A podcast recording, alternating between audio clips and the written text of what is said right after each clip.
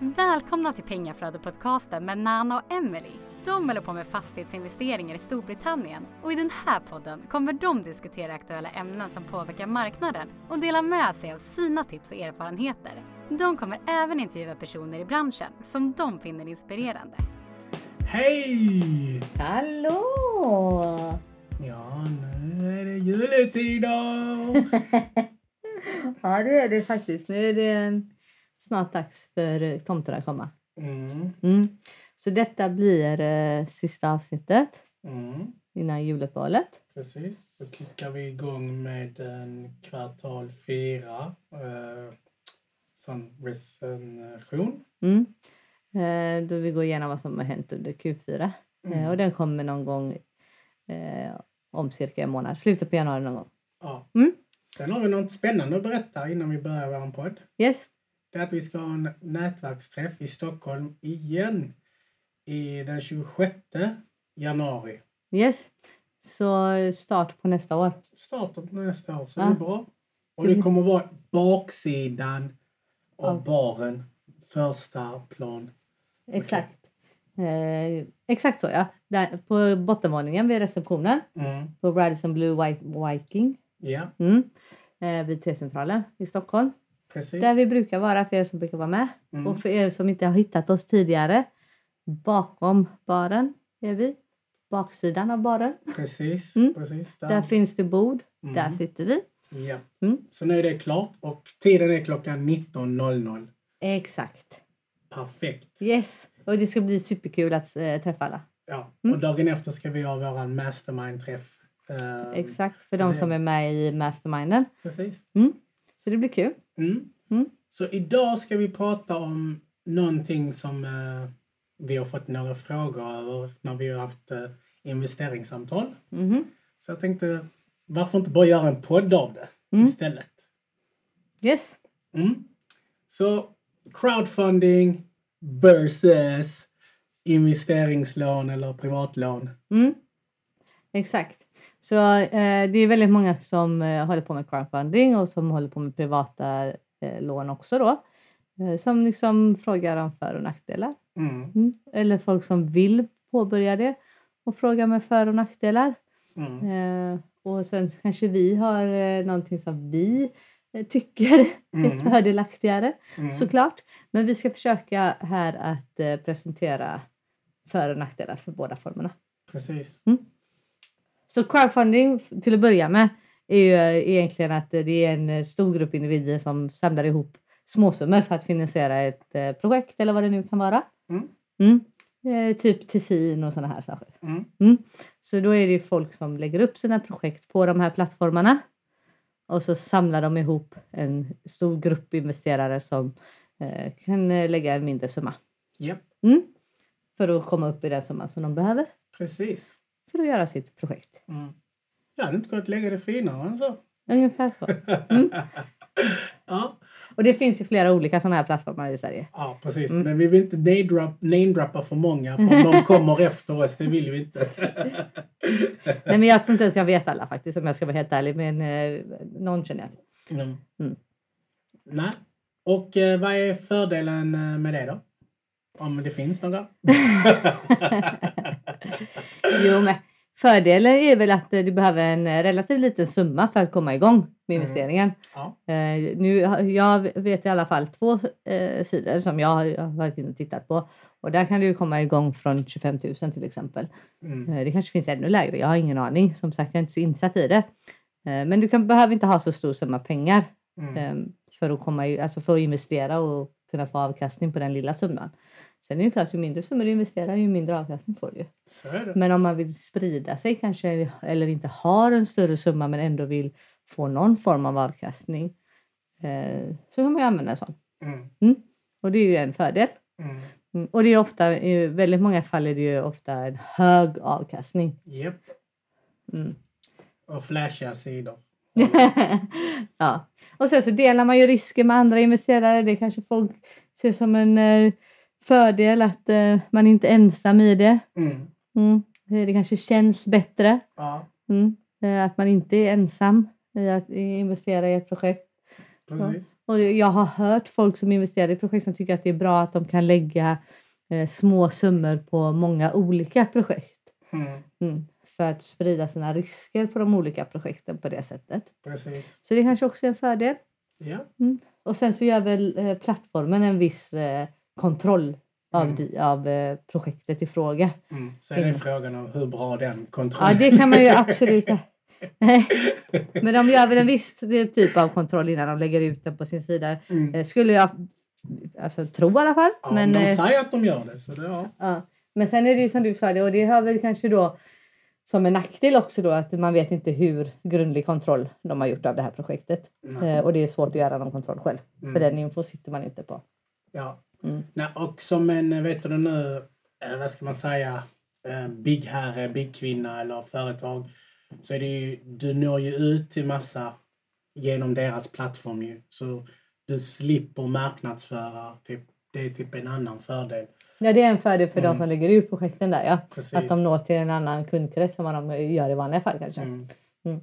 Så det finns lite fördelar Ja, med det. Beroende på hur man ser på det. ja, vad, vad man är för typ av investerare. precis. Mm. Och nu kommer massa nackdelar.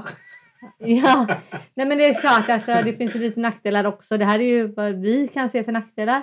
Eh, och det kanske finns fler. Ni får Mm. gärna skicka in om ni kommer på några fler. Mm. Eh, och kommer ni på fler fördelar så skicka gärna in det också. Eh, Det är alltid kul att se. Jag är ju som sagt inte så insatt i detta så jag tar gärna emot det, den Mm. infon. Det är bara kul. Mm. Eh, Men eh, det är ju ofta nystartade bolag Japp. till exempel Mm. eh, som söker eh, pengar på det här sättet. Mm. Mm. Projekten kan ju ta längre tid än vad som är beräknat. Eh, och då låser du ditt kapital Mhm. under en längre tid. Eh, Det finns också en risk att bolagen går i konkurs. Och Det Mm. har vi hört flera eh, som har råkat ut för. Mm. Eh, Att de faktiskt har gått i konkurs, bolagen, så att de inte får några pengar alls och inte ens eh, sin ursprungliga Mm. investering tillbaka. Och sen så har vi också, ni måste ju tänka också att de här crowdfunding-plattformarna, de, de får ju alltså en commission alltså för att delegera de här projekten. Så de har ju ett, alltså ett intresse att lägga ut en massa eh, projekt. Så det är därför det är lite så conflict of interest, anser jag i alla fall. Mm, hur, hur bra eh, due diligence gör de på dealen för att de tjänar samtidigt inte pengar om de inte tar in deals? Precis. Ja, Jag förstår hur du tänker. Ja, det kanske man ska ha med sig också. Ja. Mm. Mm. Eh, Det har du rätt i. Men sen så kanske de inte gör tillräckligt med vinst. De kanske inte gör den vinsten som de har beräknat Mm. för att kunna betala ut den avkastningen som ni har tänkt. Ja, lite så som de som kanske startar ett projekt kanske 2022 och sen så går de in nu 2023 eller om de startar 2021. Och vi vet ju att husen och allting, allting har gått ner nu. Så det blir väldigt svårt att de gjorde en kalkyl 2021 som inte Om de inte håller. har tagit med det i beräkningen. Ja, Och det är väl där det kommer in med, med nystartade bolag då, att Mm. hur, hur mycket beräkning hade de? Och då har man ju också en nackdel där då att man har ju liksom ingen, eh, ingen koll på hur deras beräkningar har gått i det här projektet. mm, Eh, det vet man ju inte. Som jag förstår det i alla fall så får man ju inte den infon till sig. Att hur, hur de har räknat ut dealen och hur deras siffror ser ut. nej. Eh, och jag som älskar siffror hade ju känt mig säkrare om jag hade fått titta på deras kalkyl Mm, mm. Eh, först. Men ja, så det är lite grann hur man är som person som sagt där också, vad man tycker är nackdelar. mm, Mm. Eh, någonting som, eh, som jag kan tänka är också att eh, eftersom eh, man investerar i ett projekt som man inte har så mycket kun- alltså, kännedom om egentligen så vet man ju inte heller vad som händer i bolaget. precis. Mm. Vad, vad är det för ledning i bolaget? Kommer det en ny ledning helt plötsligt utan att du får reda på det? Vad, svänger de i sina beslut? Eller, all den här info får ju inte du som investerare. Nej. Eh, och sånt kan ju faktiskt påverka projekt. Ja, Mm. precis. Så eh, ja, det, det är liksom brist på info kan man väl säga. För, Ja. Från min synvinkel i alla fall. Ja, en annan sak är att det är ju inte personligt. oftast går all kommunikation via den här plattformen.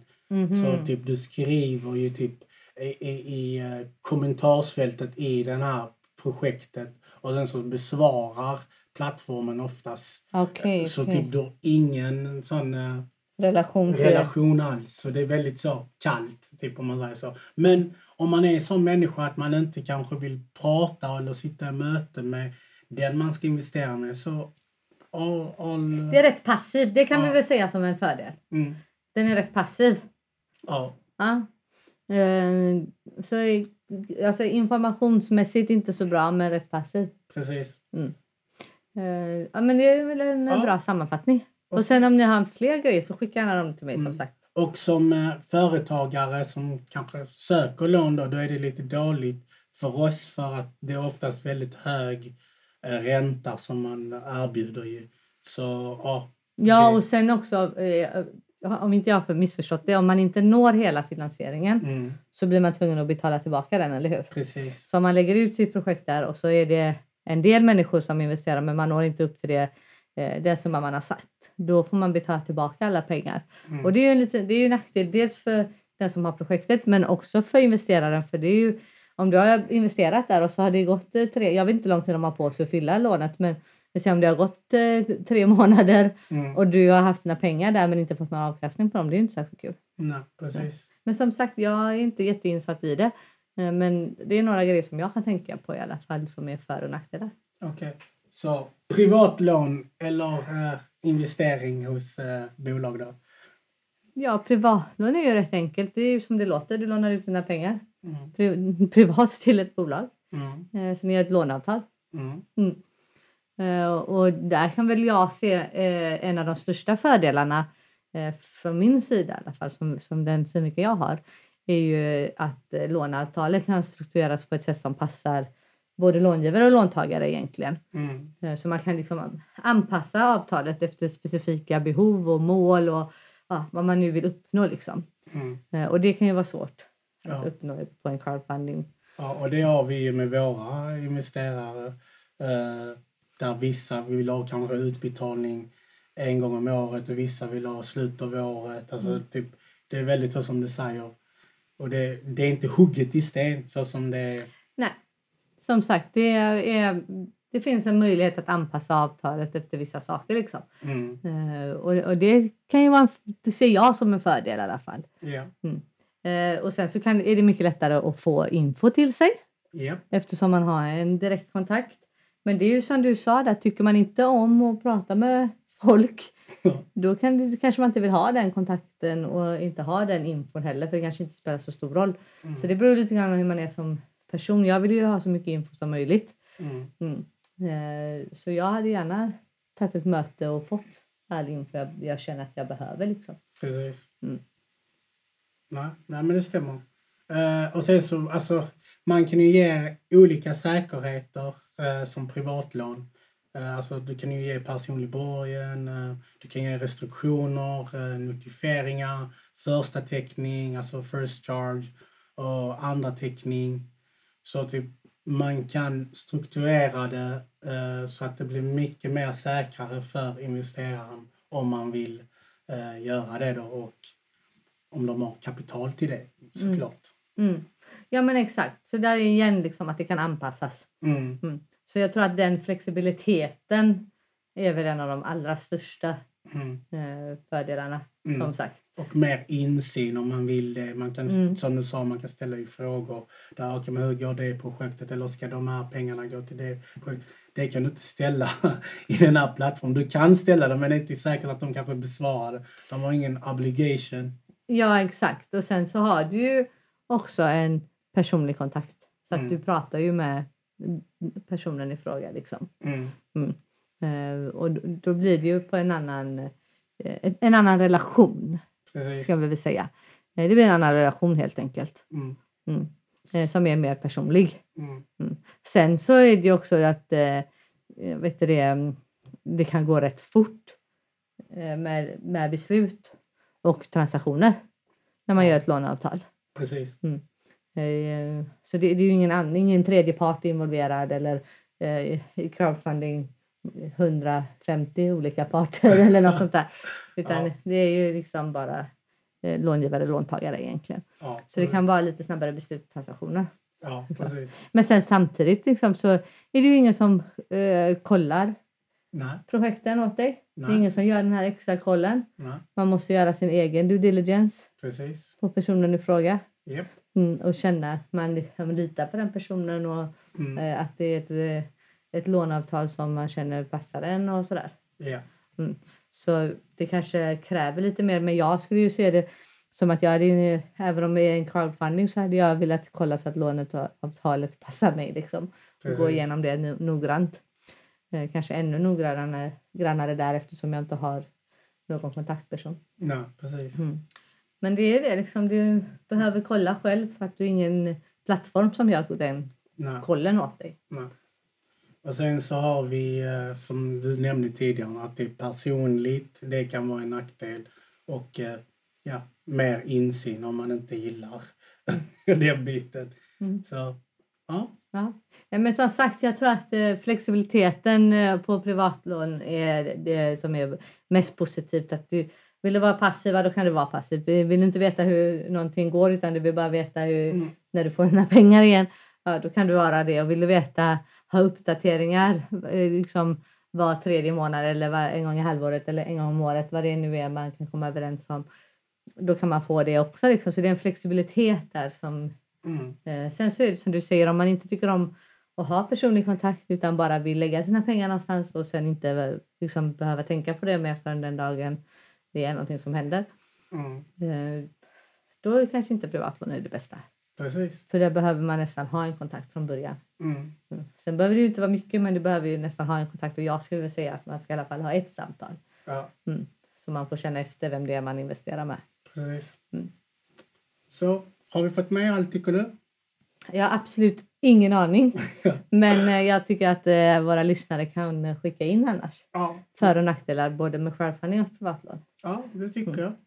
Och som ni vet, om ni vill att kapital ska jobba hårdare så tar vi gärna emot det och så, så hjälper vi er med en bra avkastning såklart. Yes. Och ni som eh, sitter där runt mellandagarna och funderar på kanske är Storbritannien någonting för mig? Köp våran grundkurs. Ja, exakt. Vi har ju en grundkurs som har jättemycket info. Eh, Det är jättebred grundläggande info som verkligen kommer vara eh, okej, ja men det här vill jag göra liksom. Och eh, även bara efter grundkursen så hade man kunnat göra det själv om man eh, kanske lyssnar på våra podd bland annat men tar in lite mer kunskap från andra saker och lägger ner eh, en hel del jobb så hade det, man kunnat göra det. Mm. Eh, självklart. Och den kostar bara 500 kronor. Mm, Så den är väldigt billig och det, som sagt det är jättebred grundläggande info där i. precis. Mm. Och alla ni erfarna, ni kan självklart komma med i vår mastermind och sen, sedan så tar vi oss emot mentors, elever om ni tycker det är intressant. Yes, exakt. Om ni har bestämt er för att köra på UK så kan vi lära er hur ni ska göra och hjälpa er komma igång och eh, ja, eh, hålla er i handen tills Ja. ni har gjort er första deal helt enkelt. Eh, och det är bara att kontakta oss i sådana fall. Yep. Mm. Och ni som inte sett våran Youtube när vi var i UK-tour, gör det och skriv gärna kommentarer och sånt vad ni tyckte. Mhm. Så med det sagt, Så får ni ha en fantastisk jul och ett eh, gott nytt år. ja, gott nytt år och god jul på er. Så ses vi 2024. Mm. Don't be stressed, invest. Hej hej!